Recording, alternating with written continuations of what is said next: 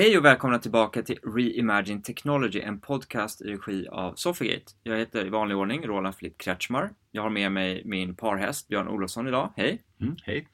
Men också en fantastiskt spännande gäst, Filippa Jennesjö, CIO på Arbetsförmedlingen. Välkommen! Tack! Härligt att ha dig här. Jag tänkte faktiskt bara ställa dig mot väggen direkt. Arbetsförmedlingen. Om man vill jobba med tech och innovation och digitalisering, är det rätt plats? Ja, det är bästa platsen att vara på just nu. Vi är mitt i en eh, förnyelseresa eh, och vill bli en eh, modern och digital myndighet som fullt ut nyttjar alla möjligheter med ny teknik och satsar jättemycket på digitaliseringen. Berätta mer. Det har inte undgått någon att vi kommer ifrån ett läge där vi var en väldigt omodern och manuell, manuell myndighet Eh, fortfarande än idag så får man ju ibland gå på kontor och ta nummerlapp för att få stöd och hjälp. Men vi har en förnyelseresa, sju år ska den ta. Den startade 2014 så vi är någonstans mitt i. Där målet då är att mycket med hjälp av dels kulturförändring och dels digitalisering bli en modern myndighet som kan stötta Sverige i den förändring vi står inför, där ju digitaliseringen inte bara gäller oss utan faktiskt kommer omforma hela arbetsmarknaden eh, i Sverige. Massvis med jobb som kommer försvinna men också massvis med nya jobb. Och hur gör vi den omställningen? Både på totalen men också för varje enskild individ. Om vi tar den här sjuårsplanen. Mm. Den matchar rätt väl då tidpunkten när du började på Arbetsförmedlingen. Ja. Eh, jag har två frågor. Vi börjar med den um, som handlar mer om dig själv och valet av Arbetsförmedlingen. Om du skulle kunna säga några ord om varför du valde att börja på Arbetsförmedlingen. Men också dina första hundra dagar efter att du hade börjat och lite om den här sjuårsplanen. Eh, Okej, okay, du får hjälpa mig att hålla ordning på frågorna över eh, tiden. Men varför är jag på Arbetsförmedlingen? Det är ju en jättebra fråga. Jag eh, kommer ju inte från den här världen utan spenderade ju de första mina första 17 år i 17-18 år i näringslivet. Jag har varit konsult och sen har jag varit på ICA, eh, detta fantastiska, framgångsrika, entreprenöriella svenska företag. 13 år var jag där, eh, de sista 6 åren som chef för verksamhetsutveckling och IT på ICA Sverige. Och det var en fantastisk resa, framgångsrikt, entreprenöriellt, fick göra jättemycket, starta apotek, online eh, affärer och så vidare. Så det handlade väl mer om att jag bara hade varit där i 13 år, vilket var en lång tid jag hamnade i någon form av sån lite, är det det här jag ska göra? Eh, eller finns det en annan värld? Så det var så det började. Och då blev jag uppringd och så frågade de då om Arbetsförmedlingen och jag måste ju erkänna att jag trodde de skämtade. Har jag blivit av med jobbet nu eller varför ja. ringer ni? Lite så och framförallt varför ringer ni mig?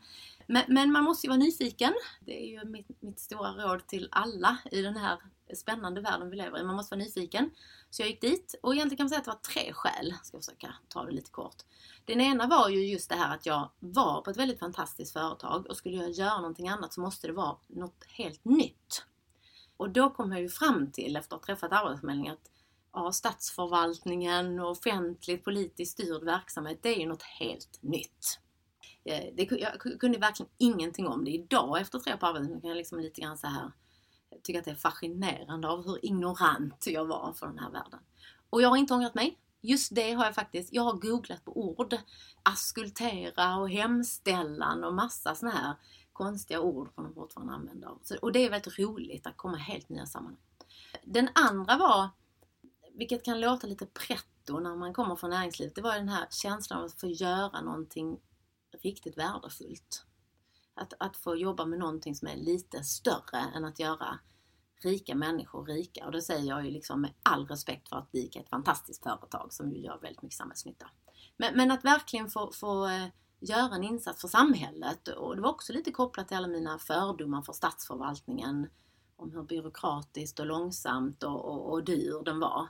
Det kan man inte bara sitta och tycka utan då måste man ju göra en insats och göra en skillnad. Så det var det andra skälet. Och det tredje skälet var den förnyelseresan som precis hade satt igång som jag pratade om på Arbetsförmedlingen. Dels var det lite kamikaze-uppdrag.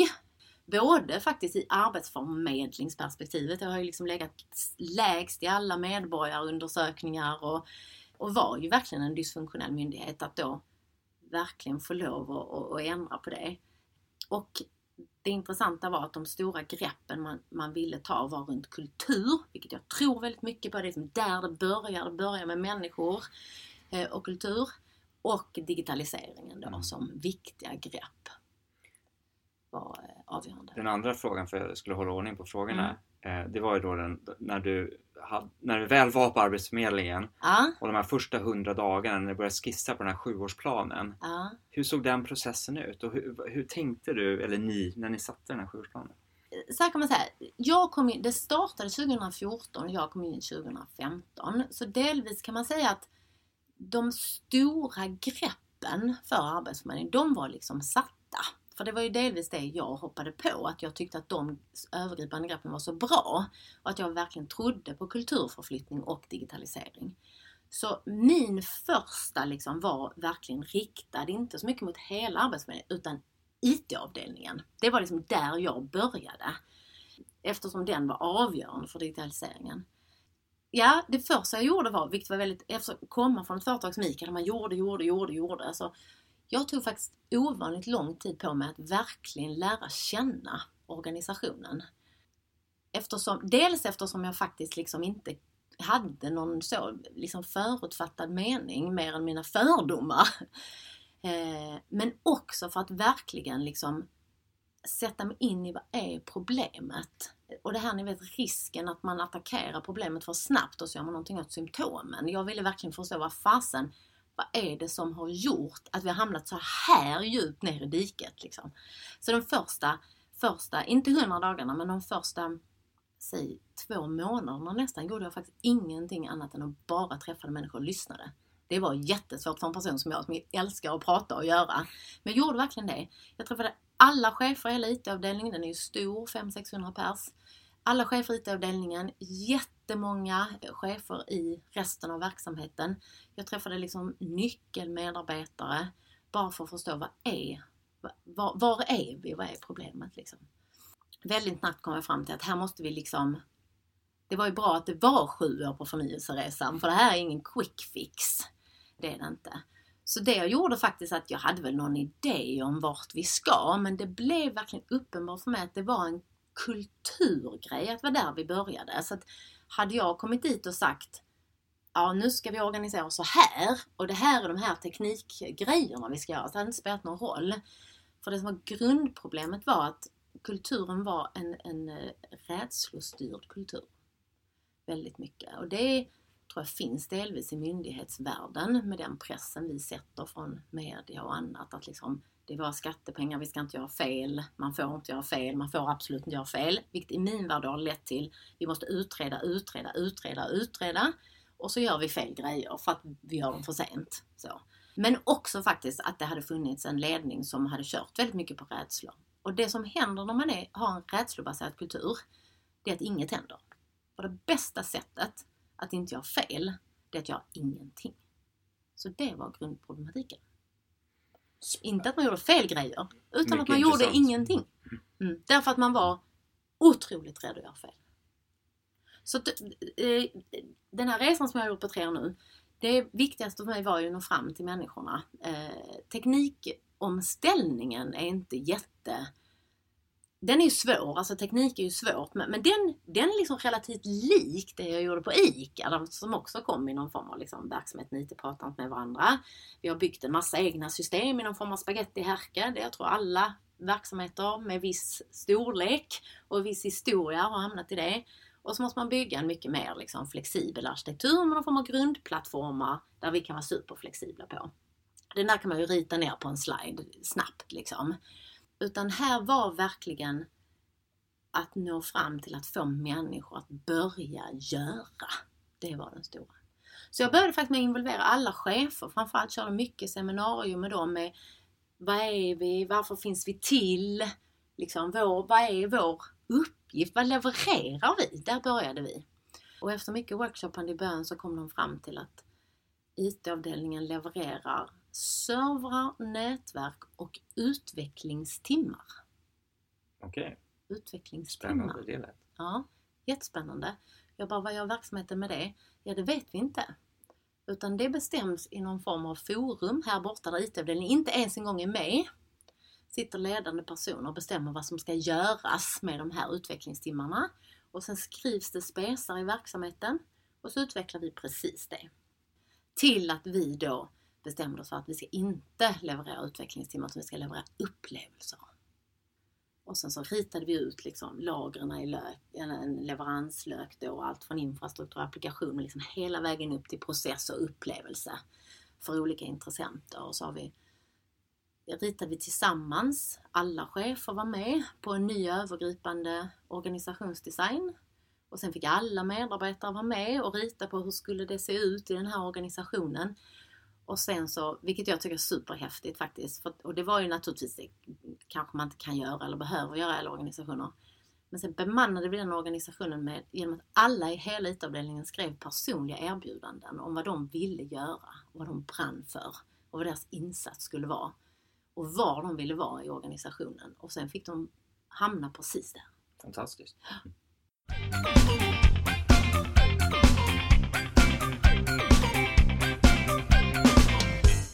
När man läser i pressen så eh, har vi ju en låg arbetslöshet i Sverige nu i svenska mått mätt och Mm. faktiskt också i europeiska mått mätt och kanske globala. Jag vet att man mäter lite olika olika delar Ja. av världen men det är ju väldigt fina siffror och Sverige går väldigt, väldigt bra. Ja, Och samtidigt så pratar man om den här matchningsproblematiken lite grann.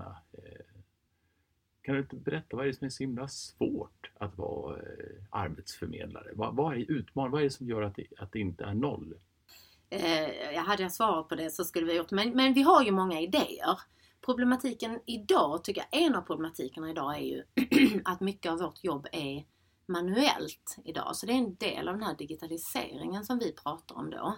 Det svåra med att vara arbetsförmedlare idag är att du måste ha allt i huvudet. Du måste veta vilka insatser vi har, vilket är massvis med olika program och insatser som då regeringen har i all välmening skapat alla nya möjligheter för att människor ska komma i, i arbete och massvis med olika stöd till arbetsgivare för att rekrytera. Men de måste göra den matchningen manuellt idag. Och de måste dessutom göra den baserat på här och nu. Utan att egentligen ha hjälp av massa analysverktyg och proaktivitet om hur ser arbetsmarknaden ut i framtiden. Ska jag matcha för här och nu eller ska jag placera den här personen i ett utbildningsprogram så att den får jobb om ett år. För om jag ger en anställning nu så kommer den vara arbetslös om ett år. Så det är mycket del av den, det vi jobbar med på IT-avdelningen. Att, att stötta upp med verktyg som gör det där mycket, mycket, mycket bättre än vad en enskild människa kan göra. Generellt så tror jag att matchningsproblematiken är inte så mycket kopplad till vi har svårt att hitta människan eller jobbet utan det är just det att de faktiskt inte matchar. Det tycker jag man pratar för lite om. Att, att, att det faktiskt är så att de, vi har ett antal människor som kan saker och vi har en antal behov av helt andra grejer. Så matchningsproblematiken i sin enklaste form handlar om att vi hittar inte varandra. Matchningsproblematiken i ett större perspektiv är hur, kommer det, hur ser det här behovet ut och hur kan jag få den här människan att kunna det? Och hur kommer det här behovet se ut om ett år eller om två år?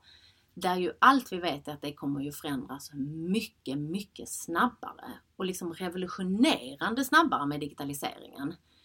Vi pratade ju här innan om busschaufförer, är ett bra exempel. Vi skriker ju e- efter, inte bara busschaufförer, lastbilschaufförer, alla former av chaufförer skriker vi efter nu. Och så utbildar vi massvis när vi mer eller mindre vet att om ett par år kommer vi säkert inte behöva busschaufförer vad ska vi göra då med alla de här människorna som vi har utbildat till busschaufförer? Och hur kan vi både lösa här och nu matchningen men göra dem redo för vad som händer om två år? Så att de aldrig behöver tillbaks in i arbetslösheten. Och där tror jag att nya tekniker, alla former av nya tekniker, kommer ha en avgörande faktor att stötta i det. Vad är det för nya tekniker du tänker på då? Ja, det är ju framförallt är det ju mycket, vad ska man säga, AI och machine learning baserade, Mm. eh, baserade tekniker såklart i det här. Allt ifrån när vi matchar, när vi förutser eh, eh, arbetsmarknaden och vad som kommer att hända och sådana saker. Men även andra tekniker, pratar mycket om blockchain, det är ju också en sån här svår grej när vi, vi pratade ju också om det, när man rekryterar. Eh, det här med CV och hur vi certifierar att människor kan det de säger att de kan och, och, och, och kommer det finnas kvar ett CV? Är det viktigt att jag har haft ett visst yrke? Eller är det liksom att jag kan vissa, har vissa kompetenser som kommer vara viktigt? Är det min potential? Skulle det kunna vara en liksom blockchain då? Att man verkligen får sina grejer och då blir de certifierade av på ett annat sätt än idag än att jag litar på ett CV som någon har fyllt in. Så att alla möjliga nya tekniker. Du, när du söker inspiration och letar efter förebilder på organisationer eller myndigheter som är duktiga på, på att lösa någon typ av fråga. Vilka tittar du på? Var får du din inspiration ifrån?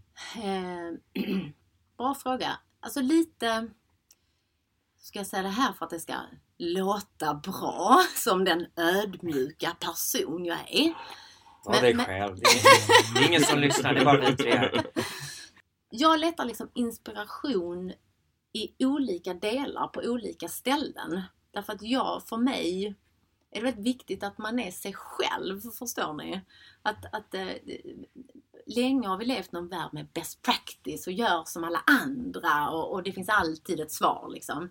Jag tror mycket på det här att man måste liksom hitta sin egen drivkraft och sitt sätt att vara. Däremot, så, så jag hittar liksom sällan en förebild utan jag gillar att hitta så här, men i den här dimensionen, till exempel i teknikutvecklande, då är en förebild, eller i liksom myndigheter och kultur en annan och så. Men om man tittar på myndigheter som jag, jag tycker har gjort bra fina resor så tycker jag skatten är värd att titta på, Skatteverket. De har gjort en speciell resa, nu inte jag har pratat om Skatteverket, men på tal om att liksom välja sin väg så var ju de otroligt tidigt ute med digitalisering och här hoppas jag verkligen att jag säger rätt eftersom jag inte är expert på skatten. Men, men min uppfattning efter att ha pratat om det är att de gjorde ju liksom digitalisering med gamla tekniker. Och de digitaliserade genom att sätta upp liksom en digital yta runt sig. Så att vi som medborgare tror att de är superdigitala. Men de tog inte i allt det här tunga legacy-systemsdravlet som man ju ofta fastnar i och inte gör digitaliseringen. Det kan jag tycka så här, det är, det är ett häftigt medvetet val och en prioritering. Mm. Som jag, som jag tycker är häftigt. Och så jobbar de ju mycket med sitt bemötande. Liksom, vi är inte ute efter skurkar utan vi, vår inställning är att folk vill betala skatt och vill göra rätt för sig. Så det tycker jag var en häftig resa. Jag tycker Lantmäteriet eh, har ju gjort coola grejer också på tal om att liksom låta som en mossig verksamhet. Eh, så har ju de gjort blockchain eh, och, och, har ju också en häftig, vet jag, liksom organisation där de också har organiserat ihop IT och resten av verksamheten nära liksom och låtit tekniken vara en verksamhetsutvecklare. Så det tycker jag är häftigt. Och det är också hon som är utvecklingsdirektör som blir chef för den nya digitala myndigheten. Så det tycker jag är ett häftigt val.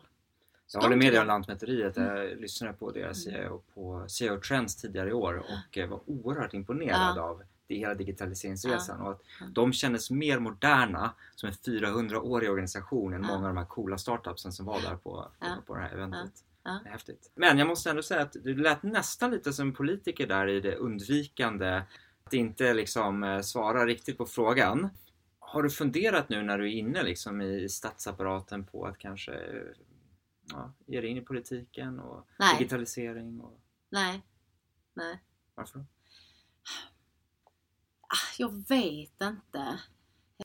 Jag har hela tiden sett mitt, eh, min, sam, min, min, min, min liksom resa i statsförvaltningen som, en, som ett gig, för att använda ett modernt uttryck. Jag ville verkligen göra en insats för samhället och jag har inte ångrat mig, tvärtom. Jag är faktiskt väldigt stolt och glad över över det. Och jag, och, och jag tycker absolut att det finns dimensioner i liksom det här med samhällsförbättringar och statsförvaltning som, som man kanske inte kan få på andra sätt. Men det finns också det finns vissa delar som jag saknar från näringslivet. Vad saknar du? Tävlingen. Mm, intressant, kan du utveckla? Och ibland lite den enkla drivkraften. De kanske hör ihop då? De hör kanske ihop. De hör kanske ihop. Nej men jag... Eh, sen, Sen får man inte vara fastlåst heller. Det kanske är så. Att vi lyckas revolutionisera hela statsförvaltningen mm. så att den liksom med alla demokratiska principer och sådana saker som ska gälla där ändå kan bli så supercool och vi kan ha tävlingar mellan myndigheter och sånt. Men den går ju inte liksom riktigt ut på att vinna. Den går ju liksom ut på att skapa bästa samhället. Mm. Och det kan jag, jag kan sakna tävling. Jag är i grunden en tävlingsmänniska. Då är det en viktig drivkraft faktiskt. Du vill vinna, Jag det vill inte, bara, vinna. inte bara tävla. Ja, jag erkänner. Jag, jag är en sån enkel människa som ibland vill känna så här. Och det är inte det är inte merparten av människor som jobbar i statsförvaltningen. Och det är ju väldigt fint för det finns en väldigt egoistiskt där med tävling. Eh, men, det är liksom, det känner verkligen jag att där är jag lite så ensam ibland i statsförvaltningen. För det handlar verkligen mer om nyttan vi gör och vi vill ju ha ett högre medborgarförtroende och göra mer nytta. Men det är väldigt sällan vi sitter så här, vi ska slå skatten, vi ska vinna. Som man gör i näringslivet. Förstår du? Och det hade varit jättedumt för vi ska ju alla vara bra i statsförvaltningen. Så, att, så. Vi kan sakna tävlingen. Och um, den här kanske man också kan få bort men idag finns det en, en- liksom en komplex överbyggnad i statsförvaltningen som finns där for all the right reasons. Alltså, offentlighetsprincipen är ju fantastisk. Eh, alla de här demokratiska eh, historierna. Men det gör att det är så många drivkrafter som ska verka liksom, som gör att allting blir jag hade inte jobbat med IT men inte jag hade gillat komplexa grejer. Men det blir liksom en overhead som. Kan- Då är Ibland det- saknar det enkla i. Det här går vår affär ut på. Pengar. Så att, ja, eh, eh, ja. ja. Men vad är målbilden de- med sjuårsplanen då? För då, då är vi tillbaka till det här kanske, mål, alltså, Mm. någon slags enkelhet. Ni Mm. satte en sjuårsplan eh, Mm. 2014, du joinade 2015, du har varit här ett par år, ni är mitt på resan. Mm.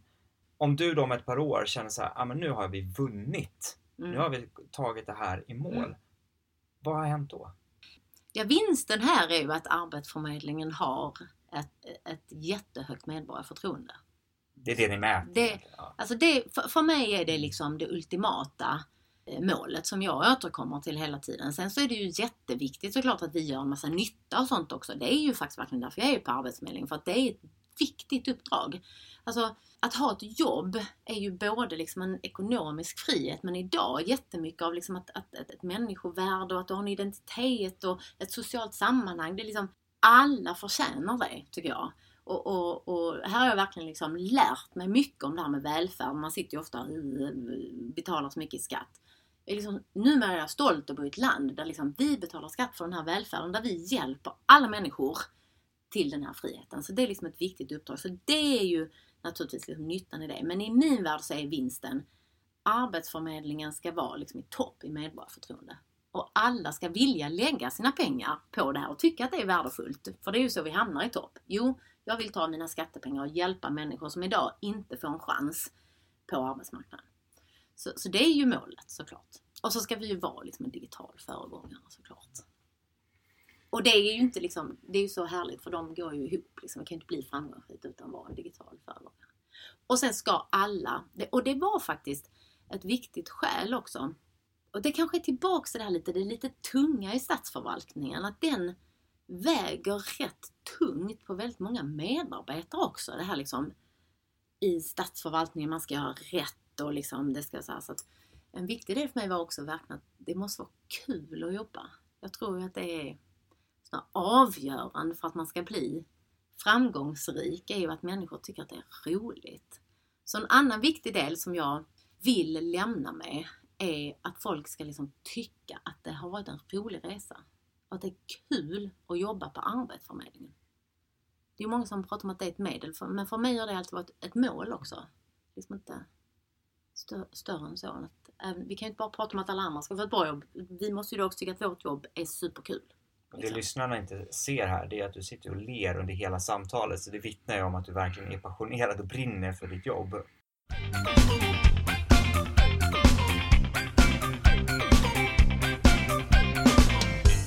Jag sitter och reflekterar över det du sa, att det var en liten rädd kultur eh, initialt och sen att eh, man tog med sig hela organisationen i den här förändringen och involverade alla.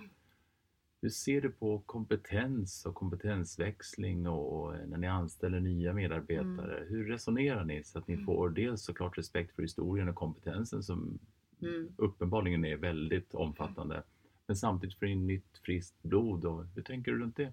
Eh, nej, jag tänker precis som du. Jag tänker att man måste kombinera dem. Det har varit en viktig del av den här resan. Har ju varit verkligen att få med sig alla som var där. Men också att tillföra, igen då, både kompetens, personlighet, men också erfarenhet. Och inte erfarenhet utifrån perspektivet bara liksom beviset på din kompetens. Utan det är en sån sak som jag faktiskt har reflekterat på rätt mycket när jag började på Arbetsförmedlingen. Att om du, om du är väldigt mycket, om du har en roll i en organisation där det inte händer så mycket, då har du inte per definition en massa erfarenhet. Utan erfarenheten är ju verkligen på riktigt att du har gjort en massa grejer. Så det, så det ingick en stor del. Jag har rekryterat väldigt många nya enhetschefer som direkt rapporterar till mig och vi har rekryterat väldigt mycket nya sektionschefer och väldigt mycket ny kompetens. Absolut nödvändigt eftersom vi hade ju en systemflora från, från 20 år sedan. Då kan vi de teknikerna och det sättet att jobba och, och, och man måste ju tillföra då. Det svåra där är ju verkligen att, att, att integrera det nya med det gamla. Att verkligen visa respekt både för det gamla som måste förändras eh, och komma in med en förståelse för varför ser det ut som det gör och, och vill jag vara en del i att göra den förflyttningen eller kommer jag dit och bara blir frustrerad för att det är som det är. Det har varit den, den största utmaningen där. Idag är det för många företag jättesvårt att hitta rätt kompetens. Mm. Är det lätt att rekrytera till Arbetsförmedlingen? Lättare än vad man kan tro, är min, är min uppfattning nu. När jag ja, jag lyckades rekrytera liksom verkligen seniora enhetschefer och det var väldigt tydligt att det var delar av det som lockade mig själv. Dels det här med faktiskt att göra samhällsnytta som är större. Om du når ut med det budskapet så, så, så, har det varit. Men sen har ju förnyelseresan varit intressant för många, framförallt i chefsleden liksom, men även på medarbetarnivå. På hur många ställen får du lov att vara med om en sån här megatransformation? Det är ju som jag brukar säga, och du kan inte göra den i näringslivet. För hade vi varit i näringslivet hade vi varit i konkurs för 15 år sedan. Liksom. Så den kan ju bara göra så. Den har ju varit otroligt lockande. Men, men sen är det klart, sen slåss vi ju mot liksom alla tidningsartiklar om att Arbetsförmedlingen ska läggas ner. Så det är klart, liksom, och den har vi ju inte. Det handlar inte bara om att rekrytera. Utan det handlar ju också om att liksom få folk att stanna kvar på Arbetsförmedlingen. Men där spelar väl liksom tiden in lite grann tycker jag med det här att, att eh, vi inte, det är inte livstidsanställningar vi pratar om liksom utan eh, liksom gå in här och göra en insats i två år, det är väl jättebra. Jag tror att det är en sån här stor omställning vi måste jobba med på arbetsmarknaden. Att liksom, vi kan ta liksom halvårs introduktionsprogram och ett år och bli produktiv, vilket vi fortfarande sliter med för vi har den här jätte liksom, spretiga gamla legacy-systemen. Utan man måste snabbt kunna komma in och så går man ut mer liksom. Inte jättelätt, men lättare än vad man kan tro. Sen är ju däremot liksom, den generella problematiken är ju att, att det finns inte tillräckligt med människor överhuvudtaget som kan de här grejerna. Eh, så det är väl vår senaste här nu, eh, där vi funderar mycket på liksom, vi kan inte bara slåss om en marknad, vi måste också skapa människor på den marknaden. Så hur kan vi, liksom, ska vi ut, liksom i den här digitala omställningen såklart, det vet man ju inte, men det är klart att liksom från en massa arbetsförmedlare till satsningar på, på, på system så, så kommer det bli en annan balans. Kan vi liksom utbilda arbetsförmedlare till utvecklare och så har vi slagit en, då har vi de här människorna som vi ju behöver idag som kan båda sidorna. Att, att våga anställa unga människor som inte har erfarenhet och CVs och gurusgrejer. Det är ju det vi säger till många företag, det måste vi bli bättre på att göra själv. Där måste jag erkänna att där har vi liksom vi har mer anställt av en marknad. Nu ska vi gå framåt och titta hur vi kan också skapa människor på den marknaden. Är så jag tror alla måste tänka framåt. Ser du en, eh, en konflikt att det finns privata alternativ när det gäller arbetsförmedling? Jag tänker på rekryteringsbolag ja. och searchbolag och Nej. headhunters. Är Nej. det bra för er? Ja, absolut. Absolut. Det här är faktiskt också en intressant, har vi haft mycket diskussioner om i ledningsgruppen. Men där tycker jag att vi har landat in jättebra nu. Vi är en myndighet som finns till för att arbetsmarknaden ska fungera. Vi har inga konkurrenter.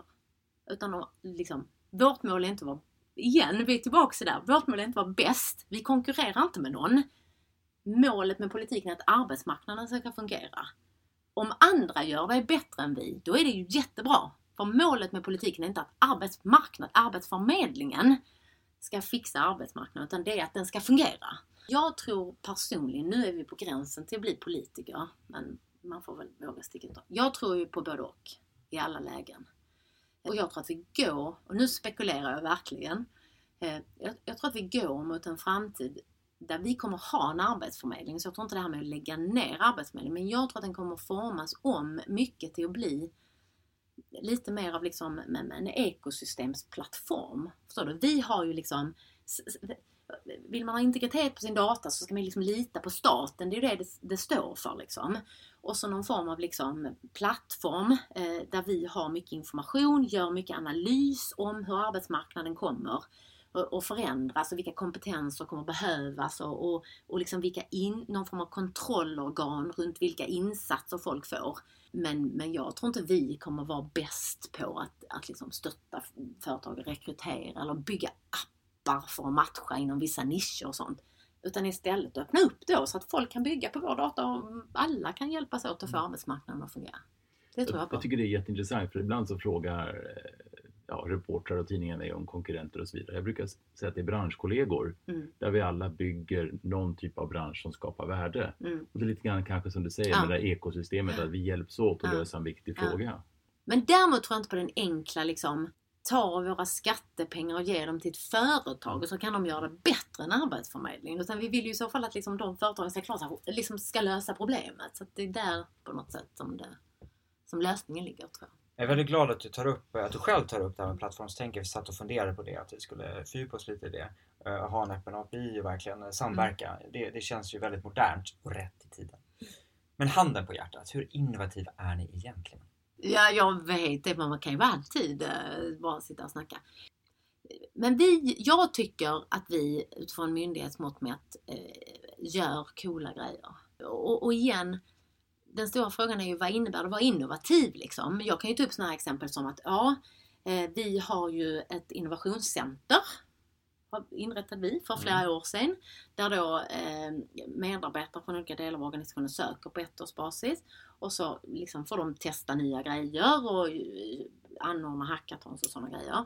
Vi fick ju för, eh, för det här året fick vi ju regeringens uppdrag att driva Hack for Sweden. Mycket baserat på att vi ligger långt fram digitalt nu vi har ju gått ut med det här att vi vill skapa det här ekosystemet för, så här, och vi, det är också vi som ligger bakom Jobtech som ju vi har etablerat och bokar in. Eh, vi har ett antal träffar och får folk att liksom jobba inom det. Så att vi har vissa sådana innovativa delar. Sen tycker ju jag att ska man bli riktigt innovativ så måste man ju liksom få in det hela vägen in i organisationen. Alla kan ju starta ett innovationscenter. Hur gör ni det konkret då? Får in det i, i organisationen? då kommer jag tillbaks till den här enkla att det kan bara hända om vi når människor. Det är den stora kulturdelen som måste fram. Man kan bara bli innovativ om man vågar prova. Och det här låter också som klyschor så jag hoppas verkligen att det går fram att jag man, man, kan inte jobba med det här som klyschor utan man måste jobba med det liksom på en mänsklig nivå. Och då måste man börja med sig själv. Liksom. Och då måste man våga prova, man måste våga misslyckas. Man måste vilja utvecklas, man måste vilja lära sig nya saker, inte tycka att man är klar. Inte komma med färdiga lösningar utan hela tiden vilja liksom, okej okay, det här är basen för mig, men hur vidareutvecklar den? Vi jobbar mycket med det genom att jobba med liksom personlig utveckling. Försöker vi. Att liksom verkligen, det handlar ju, det handlar om oss. Det handlar inte om tekniken. Utan det handlar om vår vilja att vilja vara vi har lite så här sayings till exempel att eh, förvirring är förstadiets utveckling. Det är ju lätt att säga. Hur många tycker det är bekvämt att vara i förvirring? Det här klassiska, här måste man våga misslyckas. Hur många på riktigt rannsakar sig själv säger så här, Alltså ta mig som chef, som CIO. Hur många gånger har, basunerar jag ut mina misslyckanden? För jag tror inte att det går att säga så här, i den här organisationen får man misslyckas. Jag gör det aldrig, men det är okej för er. Alltså liksom det, det är på den nivån liksom.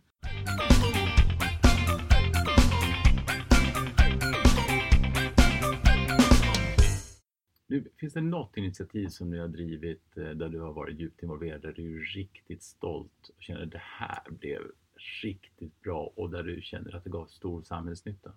Det, det finns egentligen lite olika exempel liksom. och jag tycker alltid det är svårt att ta ut enskilda projekt ännu från Arbetsförmedlingen. Därför att jag tycker att det häftigaste som vi har gjort hittills har ju varit om du minns var jag kom från, där vi liksom inte riktigt gjorde, var lite passiva och inte gjorde någonting. så tycker jag att det viktigaste just nu är att vi gör grejer och vågar, som vi var inne på, lära oss nya grejer och vara nyfikna på. Men vi har gjort vissa grejer som vi har, sen om huruvida det nu ännu är ett samhällsnytta, men en av, en av ett av de stora projekten som vi har gjort som jag är väldigt stolt över är att vi har flytt, något så enkelt som att flytta datahallar. Det tyckte jag var jättehäftigt för de var otroligt gamla och vi hade liksom jobbat på det länge men, men det är ju superläskigt. Och ingen trodde ju att det var möjligt att någonsin göra detta stora hemska. Men det gjorde vi. Och vi flyttade och vi virtualiserade och vi körde på lastbilar under ett helt halvår förra hösten. Och det var liksom vår första stora gemensamma achievement. Fysiskt påtagligt, vi har gjort något. Och så var det jobbigt och sen blev det jättestora haverier så det blev tidningsartiklar om det stora datahaveriet. Och det var okej, okay, för vi hade gjort något och det involverade alla. Sen är jag jättestolt över vår datadriven insiktsstrategi som vi har plockat fram och håller på att börja handla upp för nu för att det tror jag verkligen är framtiden. Och sen så har vi ju faktiskt eh, vi har gjort AI-implementationer med machine learning, vilket är rätt så häftigt. Och den kan ju inte jag ta cred för mer än att när jag började precis så kom, kom vi ju från den här kulturen där det var väldigt mycket verksamheten beställer, IT levererar. Och det blir jättekonstigt för att verksamheten kan ju inte IT, det är den klassiska så här, men många är kvar i beställar-leverantör. Så då har vi också jobbat med det här med det handlar om kroka arm och det är, i framtiden är det ju snarare så att det kommer vara teknikutvecklingen som gör verksamhetsutveckling.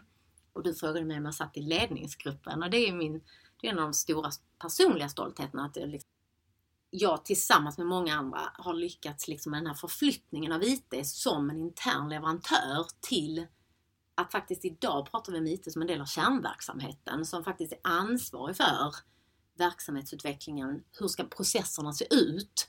Baserat på att vi faktiskt tror på digitaliseringen. Så den är jag ju väldigt stolt över också. Den har ju verkligen alla medarbetare bidragit till. För det hade ju inte gått om vi inte hade skapat relationer med, med resten av verksamheten på alla nivåer.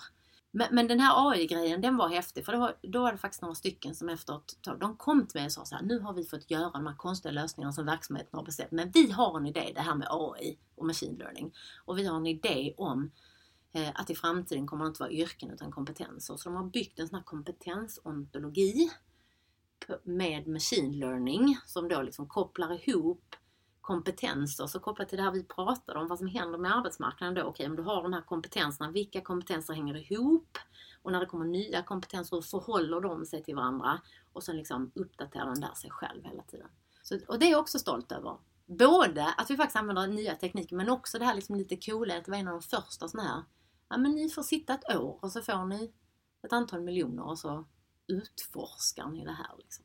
Häftigt det är kul att höra om framgångssagor. Är det någonting som du känner, det där blev inte riktigt bra, nu är det dags att göra en pudel? Absolut. Nej men det är, ja men enstaka saker har eh, definitivt varit så. Vi, hade en konferens som inte blev bra.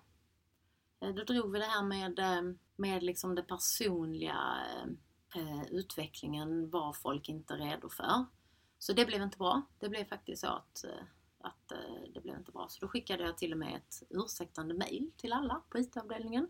Försökte förklara vad syftet var, vad vi ville uppnå och varför men att det inte, jag ändå uppfattade att det var inte så det hade mottagits. Eh, jag har en eh, avslutande fråga. Uh. Vi har pratat mycket om hur Arbetsförmedlingen eh, mäts och hur man ska uppfattas. Men uh. hur mäts du? Kanske en cliffhanger till nästa avsnitt? Ja, kanske. Den är ju faktiskt jättebra. Men, men liksom, naturligtvis liksom på ett traditionellt sätt på något sätt. Vi har ju en eh, strategisk karta och en plan och myndigheten har ju en sån här process. En verks jag gör en verksamhetsplan varje år och så har vi resultatdialoger med generaldirektören och så förklarar jag om allt vi har gjort och så. Så sådana klassiska eh, eh, mätvärden finns ju såklart om vi har lyckats göra alla de aktiviteterna som ligger på oss. Men det är klart att det är, det är speciellt och det här tror jag delar med många CIO, det blir intressant att se vad i framtiden, att det är ju liksom jag tror det är viktigt att man brinner och är passionerad för sitt jobb för man jobbar ju med någonting som inte så mycket andra kan. Så att skälet till att jag satt där och funderade var att ja, hur mäter någon mig när jag är den enda som kan mitt område i, i eh, myndigheten. Spännande, vi får eh, anledning Mm. att träffas igen och, och prata vidare om det här. Det känns ju faktiskt spontant efter att ha lyssnat på, på dig nu här i, i snart 45 minuter att eh, framtiden som arbetssökande har ju aldrig sett ljusare ut. Eh, det, det, det, känns som att det kommer vara lättare och smidigare att vara arbetssökande i framtiden. Mm. Så det är mycket spännande samtal. Stort tack Filippa Järnesjö, eh, CIO på Arbetsförmedlingen. Och stort tack till dig också Björn, min kollega på Sofgate. Jag själv heter Roland Filip Kretschmar. Det här var Reimagine Technology, en podcast av Sofgate. Tack!